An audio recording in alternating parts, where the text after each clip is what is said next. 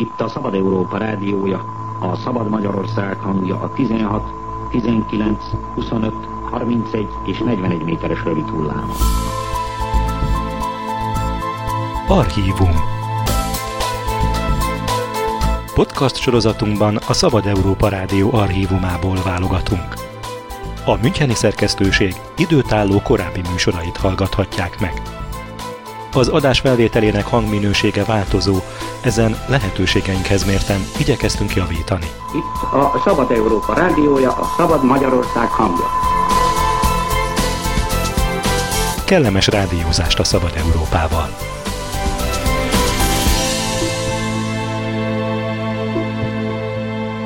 Az 1956-os forradalom kitörésének 65. évfordulóján egy ritka felvételt idézünk fel a Szabad Európa Rádió korábbi adásából. A következő műsor 1991-ben készült.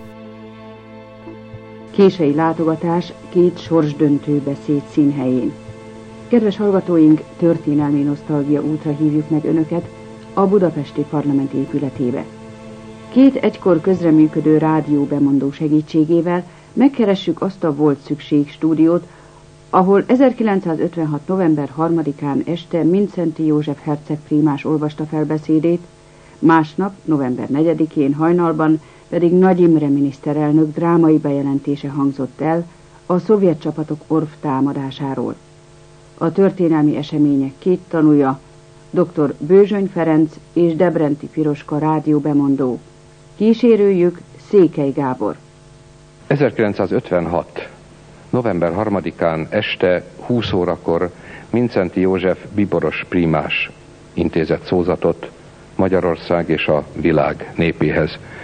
Ennek a történelmi jelentőségű beszédnek a bekonferálója dr. Bőzsöny Ferenc volt, aki ma is a Magyar Rádió főbemondója.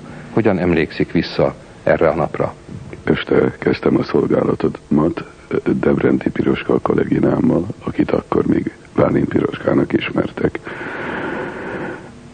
Jelezték a Herceg Frimás úr érkezését egy órával előtte körülbelül, és mi is fogadtuk, amikor megérkezett. Előtte jött egy civil ruhás középkorú úr, nem tudom megmondani ma már, hogy az ki volt.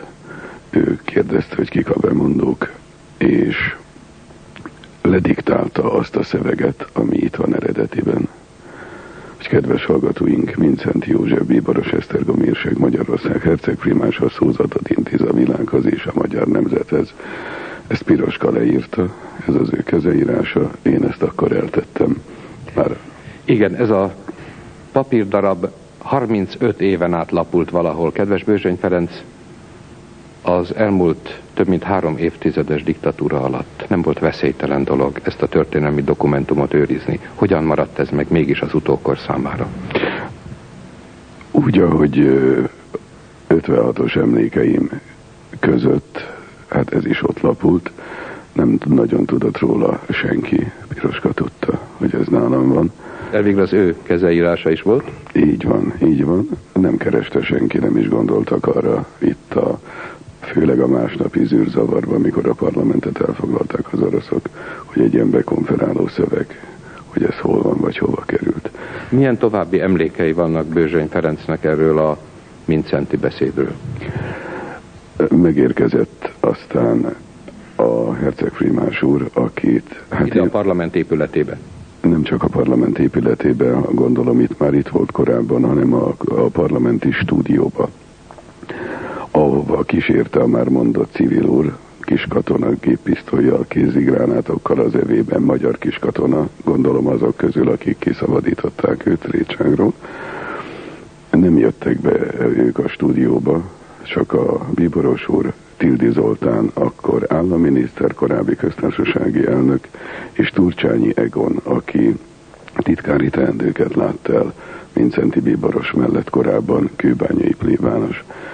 Valamikor engem bérmált itt a Bazilikában 47 nyarán a herceg primás úr, úgyhogy örömmel üdvözöltem, és hát latinul köszöntem neki, hogy Lauditur Jézus Krisztus in eternam, fiam. Örülök, hogy herceg primás úr ennyi tortúra ennyi börtöni után ilyen jól néz ki.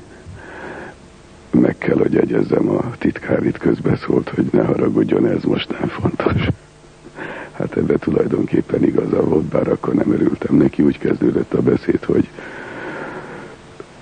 egy hátsó kanapén helyet foglalt Tildi Zoltán Turcsányi Egon, egy oldal kanapén Piroska kolléganőm, és mivel kérdezték, hogy férfi bemondó van-e, hát jelentkeztem, hogy én vagyok, hogy az a kívánság, hogy férfi bemondó konferálja be a bíboros urat. Hát én mellette helyet foglaltam, pontosan 20 órakor, ami hiányzik a papírról, de ezt fejből tettem hozzá, hogy Szabad Kossuth Rádió Budapest, Szabad Petőfi Rádió Győr, 20 óra a pontos idő. Kedves hallgatóink, amit már idéztem, Vincent József Bíboros Esztergom érsek Magyarország herceg primásos szózatot intéz a világhoz és a magyar nemzethez. Itt szakítsuk meg a mai interjút, és hallgassuk meg a 35 évvel ezelőtti eredeti bekonferálást. Szabad Kossuth Rádió Budapest és Szabad Petőfi Rádió Győr. A pontos idő 20 óra. Kedves hallgatóink, Mincenti József bíboros Esztergomi érsek Magyarország hercegprímása szózatot intéz a világhoz és a magyar nemzethez. Itt egy kis szünetet tartott és halkan kérdezte, hogy lehet, de ez nem hallatszik a felvételen. Piroska is intett neki, hogy igen, igen, mondhatja. És akkor elkezdtem a jellegzetes stílusában a gépelt szövegről felolvasni a beszédét, amiben igen sok javítás volt.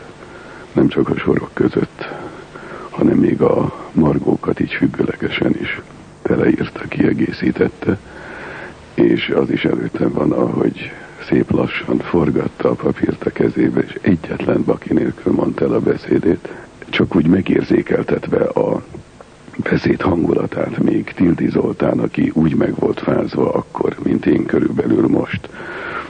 A beszédet hallgatva köhögő rohamot kapott, és azt megpróbálta visszafolytani.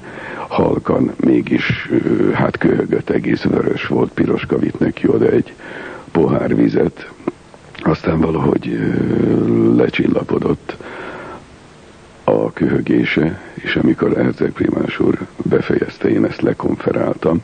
Nem tudom már mi volt a zene, ami utána felhangzott, azt hiszem konferálás nélkül.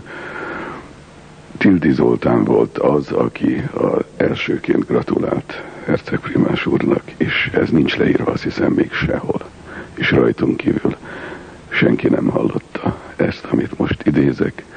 Azt mondta, eminenciás uram, köszönöm, ennek a nehéz 16 napnak ez volt a legnagyobb órája. Ennek a történelmi jelentőségű beszédnek a másik, nem csak fül, hanem szemtanúja Debrenti Piroska volt, aki Bőzsöny Ferenccel együtt azon az estén a Magyar Rádió bemondójaként itt a parlament épületében, a szükség stúdióban szolgálatot teljesített. Kedves Piroska, mondja el ennek a kézírásnak a történetét saját kútfőből fogalmazta, vagy valaki sugalta a bekonferálást? Nem saját kútfőből fogalmaztam, hanem egy civil ruhás úr jött be a stúdióba, és ő diktálta le, hogy nem sokára megjelenik a hercegprimás úr, és hogy be kell konferálni, hogy mit mondjunk, milyen szöveget. És akkor én gyorsan vettem egy ott lévő valamilyen zenei konszignációt, és szépen leírtam, hogy mit kell mondanunk. Piroska, ön milyen minőségben ülte végig bent a stúdióban a Mincenti beszédet? Én, mint szolgálatban lévő bemondó ültem végig a beszédet. Még nem kerestük fel magát a stúdiót, de ha itt előre egy pár szót mondana arról, hogy hány helységből állt ez. Nem volt például egy bemondó pihenő, szóval a bemondók és az egész szolgálatban lévő állomány ott ült bent az élő stúdióban? Két helyiségből állt, egy külső helyiség volt, ott ilyen régi úgynevezett EMI magnó gépek voltak, volt egy lemezjátszó, amit lassanként hoztak a Bródi Sándor utcai stúdióból, hogy valahogy berendezzenek egy ilyen helyiséget. Az volt a külső rész, ott voltak a technikasok, a technikai személyzet, és ebből nyílt egy kis szoba, függöny volt az ajtó előtt, még arra is emlékszem, és ez egy irodahelyiség volt tulajdonképpen, mert nagy páncélszekrény volt benne, íróasztal, mint a képen is lehet látni, egy szimpla, sima íróasztal volt, íróasztali lámpával, és egy ilyen mindenféle kábel, nyomogom, olyan nagy piros lámpa, meg nyomogom, szóval teljesen kezdetleges volt az egész stúdió. Kezdetlegesebb volt, mint amihez a Bródi Sándor utcában hozzászoktak? Persze, sokkal, sokkal. Mi a véleménye? Ezt a forradalom első napjaiban rendezték be, úgy tessék-lássék alapon azért, mert szétlőtték a Bródi Sándor utcai stúdiót, vagy ez már előzőleg is kész volt itt a parlament épületében? Tulajdonképpen nem volt kész, mert itt a parlamentben nem volt rádióstúdió. Emlékezetem szerint 23-án kiépítettek egy vonalat a parlamenthez, mert Szepesi György egy riportot akart csinálni Nagy Imrével. És akkor a rádió ide kivonult, kiépítették ezt a vonalat, és ez a vonal maradt meg, és tulajdonképpen ez a vonal képezte a magyar rádió lelkét. Bőzseny Ferenc is így emlékezik erre? Nagyjából így emlékszem, illetve erre a részre tökéletesen ugyanígy, amit Piroska elmondott, de később, amikor a Bródi Sándor utcai stúdiók használhatatlanná váltak, akkor én úgy tudom, hogy Lakihegyre innen a parlamentből telefonvonalon ment a műsor. Mert Lakihegy vette egyenesen, és hát elég szegényes volt itt a, a zenei készlet. Azt hiszem minden másnap talán ugyanazokat a zenéket közvetítettük, iszonyú sok üzenetet olvastunk föl. Hordták ide a parlament kapujában, vett át az őrség néha csomagoló papírra, zacskókra ráírva. Az a szoba, ami a stúdió volt, lényegében az volt a pihenőszobánk is, amikor konferált valaki, akkor a többiek elhallgattak. A megszokott dolog, hogy amikor figyelmeztetjük egymást. Hol készültek a hírek? A hírek itt készültek. Volt néhány szerkesztőségi szoba is? Azt hiszem kettő, emellett a, a már említett stúdiószoba, technikusi szoba, egy kisebb, meg egy nagyobb ö, helyiség volt, elég sok telefonnal, az egy, a nagyobbat a Szlovardának is hívtuk. Volt ott illemhely is, mosdani is lehetett. Még annyit talán, ö, hát talán hangulatilag érzékeltetve a primás úr beszédjének a végén, amikor Tildi gratulált kinyílt az ajtó, és bevágódott rajta a rádió akkori hivatásos fotósa, senki, aki egy vérbeli fotós volt, mert már itt volt a parlamentben ezen az estén. És ilyen kihúzható lábú masinát hozott magával, rögtön lecsapta középre, és mondta, hogy Herceg Primás úr, engedje meg, hogy most megörökítsem. Mire azt mondta, hogy nem, nem, nem, nem hiszem, hogy erre most szükség van. Mire Tildi is mondta, igen, Herceg Primás úr, engedje meg, azt mondja, jó, egy fotót.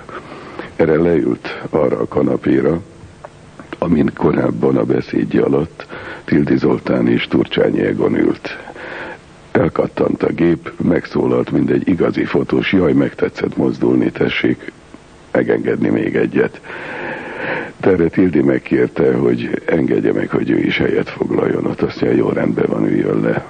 Megcsinálta a második fotót, elnézést kérek, mondta senki, én megtetszettek mozdulni.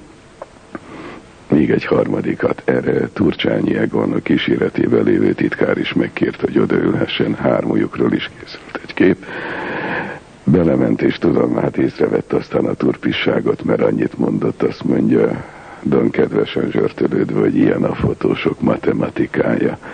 Egyet mondanak, és három lesz belőle.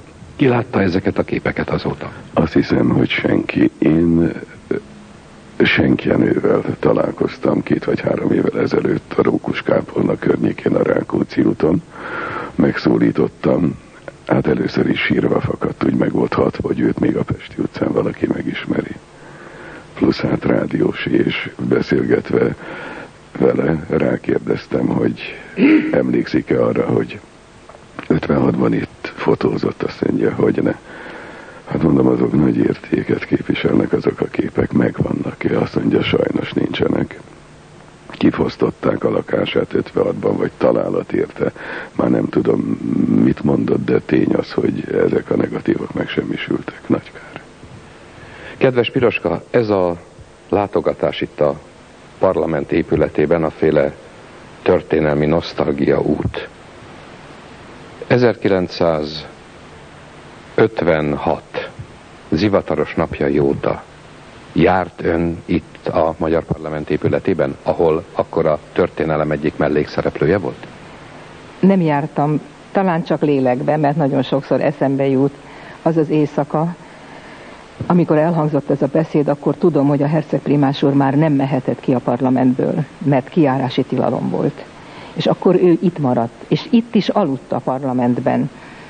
És hajnalban, nem tudom erről beszéljek, ne beszéljek. Erről fogunk beszélni, fogunk beszélni. hogy ne okvetlenül, amikor elmegyünk az esemény helyszínére. A beszélgetés eddigi része a parlament háznagyi hivatalában hangzott el.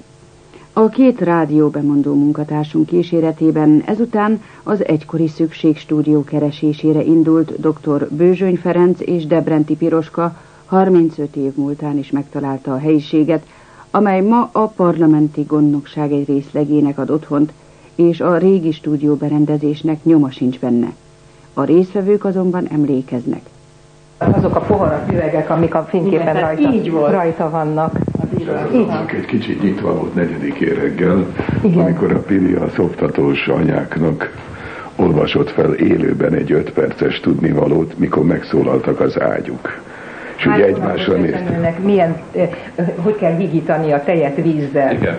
De Pirike, én arra is emlékezem, hogy azon a reggelen, amikor megindult a Szabad Rádió november 4-i adása, akkor az időjárás jelentés Debrenti igen, Piroska igen. tolmácsolásában úgy hangzott, hogy kelet felől borús felhők vonulnak. Emlékszem, fél ötkor indult az adás, és akkor olvassuk a, a híreket. Igen, Piroska. Igen. Tehát itt állunk abban a helységben, Úgy ahol... Tulajdonképpen most még a Ludbőr is végigment rajtam. Mert ahol azért... 35 évvel ezelőtt, 1956. november 3-án este Piroska kézírását olvasva Bőzsöny Ferenc bekonferálta Mincenti hercegprimás beszédét. Ebben a szobában vagyunk. Igen. Ferenc, milyen érzés ennyi idő után ide belépni? Meghatott vagyok, és ezt nehezen tudom most szavakkal elmondani, azóta se jártam itt. Visszaidézem, ahogy már el is mondtam ennek sok mozzanatát, hiszen akkor is tudatában voltunk annak, hogy életünknek nagy pillanatait éljük meg, és talán ezért is raktuk el azokat a emlékeket, szövegeket, amelyek azt hiszem némileg hitelesítik, mint azt, amit elmondunk. Nagyon meg vagyok hatva, komolyan mondom, és egyrészt szinte lútbőr megy rajtam végig, mert nagyon hosszú idő telt el, és sok mindent megéltünk itt, jót és rosszat, sok félelmet, mert azért féltünk is, mert azért féltünk is. Piroska, a következő perceknek ön lesz a főszereplője, mert az éjszakai szolgálat következtében ön november 4-én hajnalban 4 óra 30 perckor Bőzsöny Ferenccel együtt megindította a Szabad Kossuth Rádió aznapi műsorát, de az a reggel egy vészjósló az, korszakot az teljesen. konferált be az ország életében. Ön ebben a helységben bekonferálta azt, hogy Nagy Imre, a Magyar Népköztársaság minisztertanácsának elnöke szózatot intéz az ország népéhez. Emlékezzen vissza itt a történelmi színhelyen. Hogyan zajlott le ez? Hát miután ezt az elő, egy előadást olvastam fel a szoptatós anyáknak, ugye, hogy nincs elég tej, meg hogy hogyan keverjék a csecsemőknek, Ferenc ott ült hátul a kanapén. Amikor egyszer csak óriási, vagy mellettem ültél? Melletted ültem. Mellettem ültél. Egymásra néztünk. Óriási lövöldözés. Szavak, szavak nélkül is a, ö, világossá vált, hogy most valami szörnyűség Tudod, mi volt azok a madarak? Ja, itt. Nyitva volt egy kicsit az ablak, mert nagyon erősen Varjuk fűtöttek, és itt varjak éjszakáztak ezen az zárt udvaron, és azokat felriasztotta az ágyúzás, és az ágyudörgés, a szoptatós anyáknak szóló szöveg meg ezeknek a, ez a gyászos károgás. Most én nem tudtam abba hagyni a szöveget, mert hiszen olvasnom kellett. Tehát annál az, az borzasztó lett volna, hogyha én abba hagyom a szöveget, mert a hallgató, amíg szól a rádió, addig érzi, hogy nincs baj, de abban a pillanatban, hogy a rádió nem szól, fölkapja a fejét, hogy mi van. Csak úgy egymásra néztünk, és Feri fölállt szép halkan, és bezárta az ablakot. És amikor befejeztem az előadást, elzártam a, nem tudom, mikrofonkulcsi, elzártam a mikrofon, és fölálltunk, és az De. ajtón kiléptünk, nem tudok, hogy mi történt. Mi történik? és csak kint, kint mindenki, gyerekek, semmi nem mehet, csak himnusz és szózat, és várni kell, mert Mindjárt. rögtön, figyelemnek rögtön jön Nagy Imre. És akkor valóban megérkezett Nagy Imre, Tildi Zoltán, én azt hiszem, jöttek még, de hogy ki, azt én már nem tudom, és akkor Nagy Imre bejött a stúdióba, leült a mikrofon elé, hogy akkor ő most beszél. És én emlékszem rá, hogy mondtam, hogy hát egy eh, kicsit várjon, hát legalább eh, konferáljuk be, hogy eh, hát egyáltalán ki beszél. És akkor így a feje, azt mondja, igaza van, és hogy a feje fölött behajoltam, és akkor elmondtam, hogy ő beszél. Itt Nagy Imre beszél, a Magyar Népköztársaság minisztertanácsának elnöke. Ma hajnalban a szovjet csapatok támadást indítottak fővárosunk ellen, azzal a nyilvánvaló szándékkal, hogy megdöntsék a törvényes magyar demokratikus kormány. Csapataink harcban állnak. A kormány a helyén van. Ezt közlöm az ország népével és a világ közvéleményével. És utána velem én olvastam fel, hogy kéri a Malétert, Kovács, Kovács hogy, hogy azonnal jelentkezzenek, és akkor mondták, hogy elmentek tegnap, és eltűntek, és nincsenek sehol, és nem tudják, hogy mi van. Ezt is én olvastam fel, amit aztán ugyancsak felvettek Magnóra. Nagy Imre, a Nemzeti Kormány miniszterelnöke felhívja Maléter Pál honvédelmi miniszter, Kovács István vezérkari főnököt, továbbá a katonai küldöttség többi tárgyalásra indult tagjait, akik tegnap este 10 órára mentek ki a szovjet hadseregparancsnokság színhelyére, és eddig még vissza nem tértek, hogy haladéktalanul jöjjenek, és vegyék át hivatalaik vezetését. És attól kezdve semmi más nem ment adásba, mint a segélykérés, ez a felhívás, a himnusz és a szózat. Hol volt a műszaki helyiség? Honnan játszották itt, le a magnetofon Itt kint a kinti helyiségben. Volt ez valami volt üvegablak, ahogy, ahogy a korszerű stúdiókban ez van? Semmi nem is nem látták önök? Semmi, nem. Semmi Hogyan kaptak jelet, hogy mikor kell beszélni? Egy, egy piros lámpával. Értem. Egy piros lámpával. Tehát ö, ott hagytuk abba, Piroska, hogy ön Nagy Imre válla fölött behajolva bekonferálta azt a beszédet, amely tulajdonképpen a forradalom közelgő végét jelezte. jelezte igen.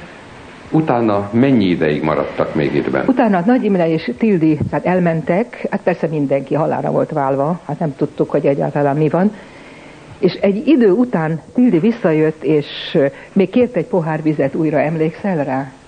Egy pohár és azt kérdezte, hogy gyerekek, nem láttátok a Nagy Imrét azóta? És mondtuk, hogy nem. Tehát én nem tudom, hogy mi van, ezt fölmentünk együtt, és aztán ő, ő egy, azt mondta, hogy egy pillanat, és most elkerültük egymást, és nem, nem tudom, hogy most mi lehet és hol van. Ez volt az utolsó, amit még a Tildivel beszéltünk. Na most utána itt mi, hát ugye himnusz és szózat, és hát persze mindenki a úgynevezett lovardába itt járkált, hogy most mi lesz, hogy lesz, és emlékszem rá, hogy kinéztem itt a szemközti ablakon, és láttam Mincentit, aki ott volt, és egy ilyen nagy fehér zsebkendő, biztos hát ő is ő tudta, hogy most jönnek az oroszok, és egy fehér zsebkendővel törögette a homlokát, és akkor azt mondták a kollégáim, Feri is, és mások is, hogy ez volt olyan fél hét után, három egyet hétájban, hogy ide figyelj, két kis gyereked van, nő vagy. Nem lehet tudni, hogy mi lesz, hogy lesz beszélni, én nem tudok az oroszokkal, senki nem tudott velük beszélni. Azt mondja,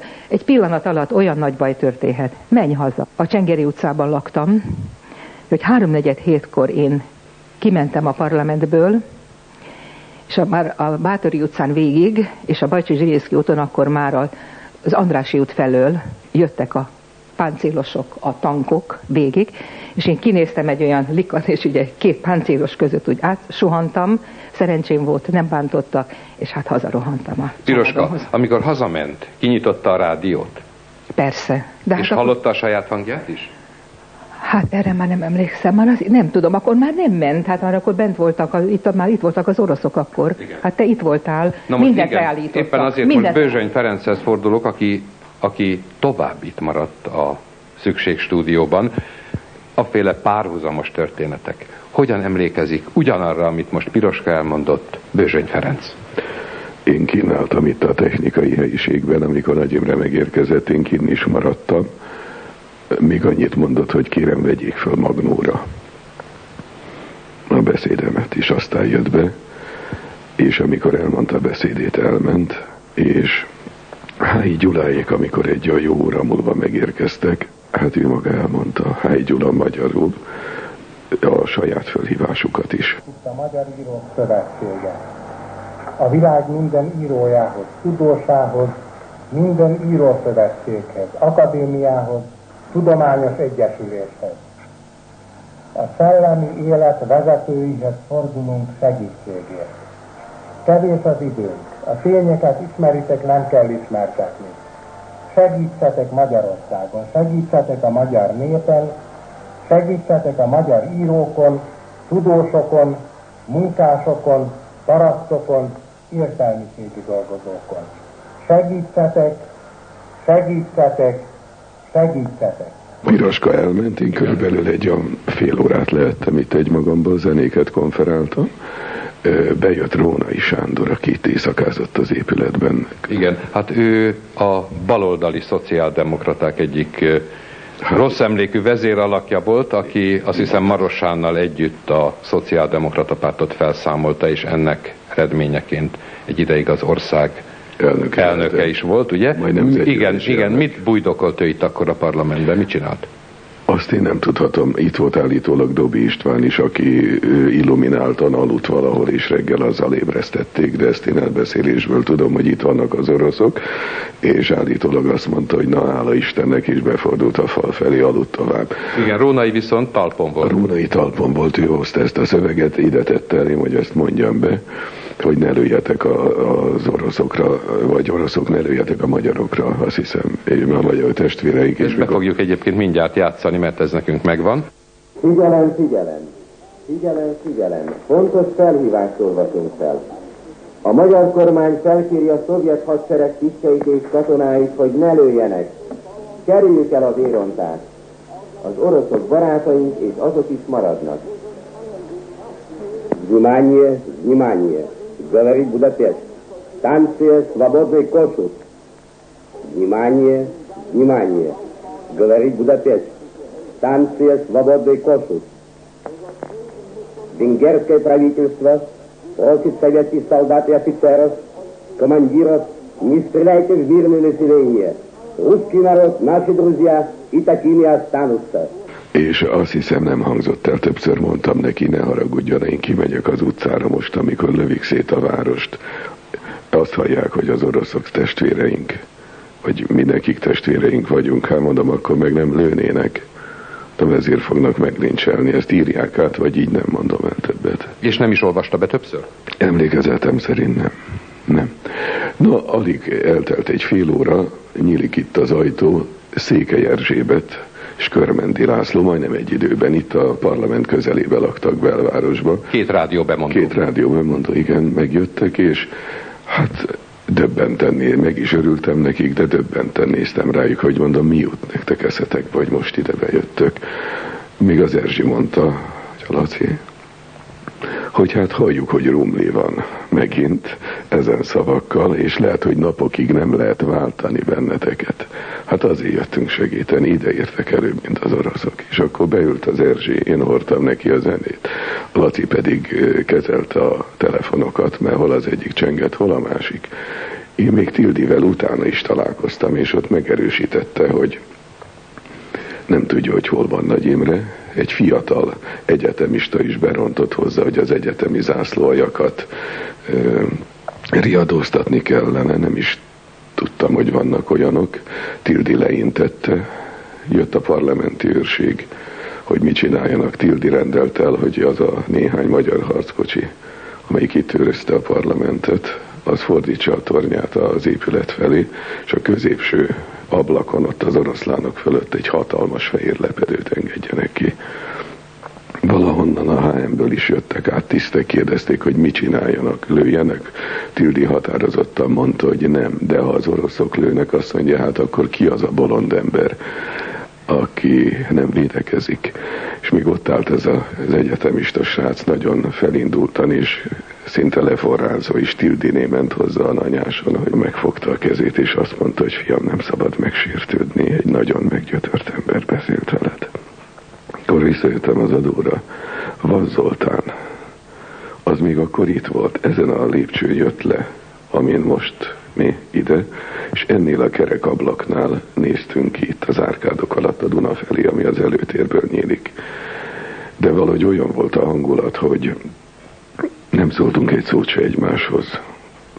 Valahogy az szaladt volna ki a számon, hogy na Zoli bácsi mit szól mindenhez, de van tiszteletlenségnek tűnt ebben a szituációban is, inkább nem mondtam semmit.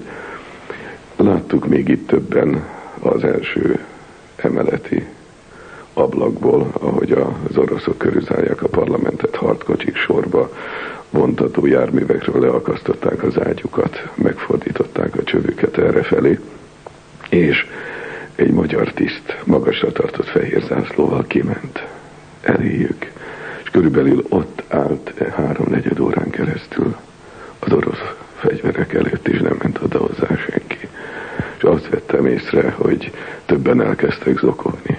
Szóval valami olyan megalázó, megsemmisítő percek voltak ezek, hogy le is vagyunk tiporva, de kutyába se vesznek minket.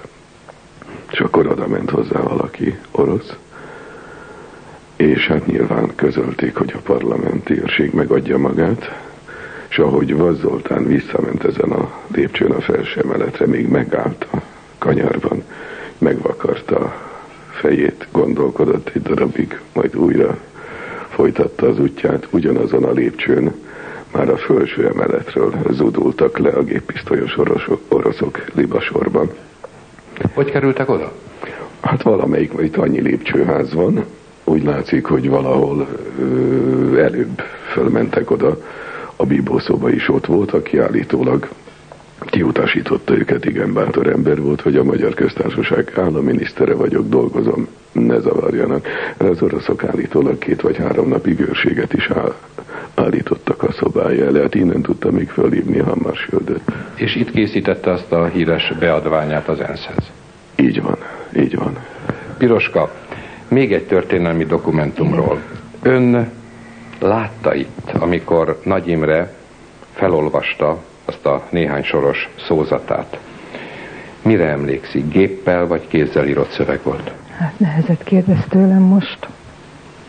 Akkor... Tudom, én azt hiszem, hogy ki... Én azt hiszem Nagy Imre a saját kezeire. Kézírás rövid, volt. Úgy rövid, emlékszem rá, kézírás volt. Olyan rövid volt ez Igen. a beszéd, hogy ezt Nagy Imre saját maga fogalmazta. Igen. Én csak a papírt láttam a kezébe, de én nem láttam, kézírás és nem is emlékszem volt. rá, hogy... Kézírás Igen. volt. Egy kis történelmi nyomozás. Hol lehet ez a papír ma? Vajon megvan-e? Túlélte a forradalmat? Ezt senki se tudja, Nagy Imre valószínű elvitte magával, és ha ezt nála megtalálták, akkor lehet, hogy a Nagy Imre dokumentumok között megvan, vagy megsemmisítették. A megérkezésnek, már az oroszok megérkezésének a pillanatait hadd mondjam el. Egy tiszt, egy hatalmas pisztolyal, úgy emlékszem százados, az rohant idebe, intett, hogy azonnal állítsák le az adást. Ezt az ajtót szinte berúgta a válla fölött. Még ma is látom Székely Erzsinek a óriási rémült szemét, mert ráfogta a pisztolyt. Fölállt az Erzsi és kijött. Én egy kolbászos vajas kenyeret reggeliztem éppen, nem mintha kedvem lett volna enni, csak már itt többen pánikba estek, zokogtak, megijedtek, hogy nyugtassam őket tényleg csak nyámogtam vele, úgyhogy mikor egy nálamnál közel egy fejjel kisebb, ilyen páncélos, bukós, isakos kis katona, hát a hasamnak nyomta a géppisztolyt. Ez a kenyér volt a kezemben, még csak félig elfogyasztva, és Azt kérdezte tőlem remegő szájjal. Ő jobban meg volt ijedve, mint én, és nem utólag találom ki most, hanem emlékszem rá, hogy egy fasiszt.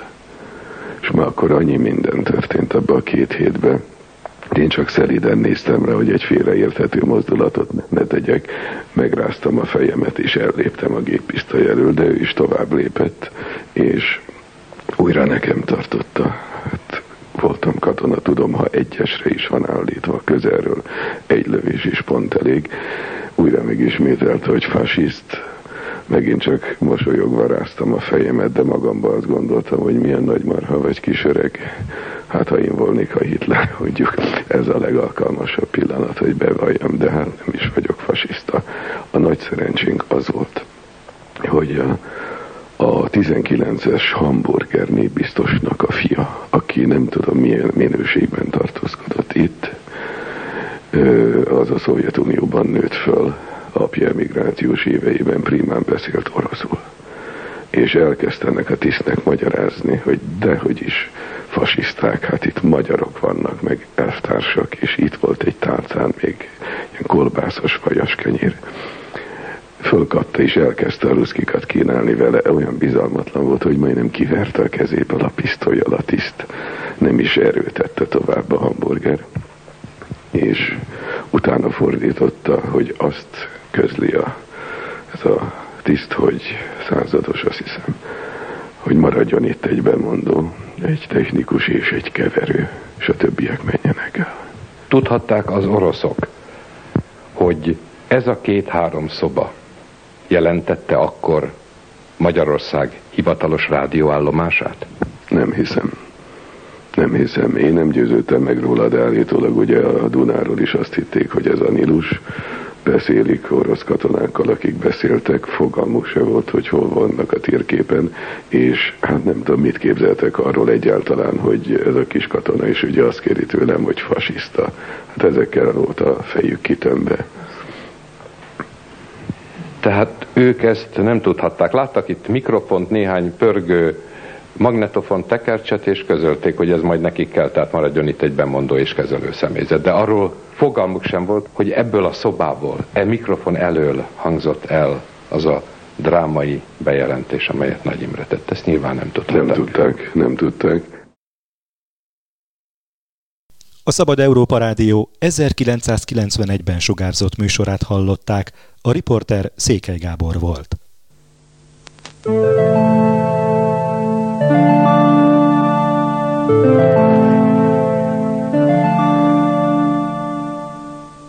Az eredeti felvételt az Országos Széchenyi Könyvtár történeti fénykép és videótára őrzi és bocsátotta rendelkezésünkre.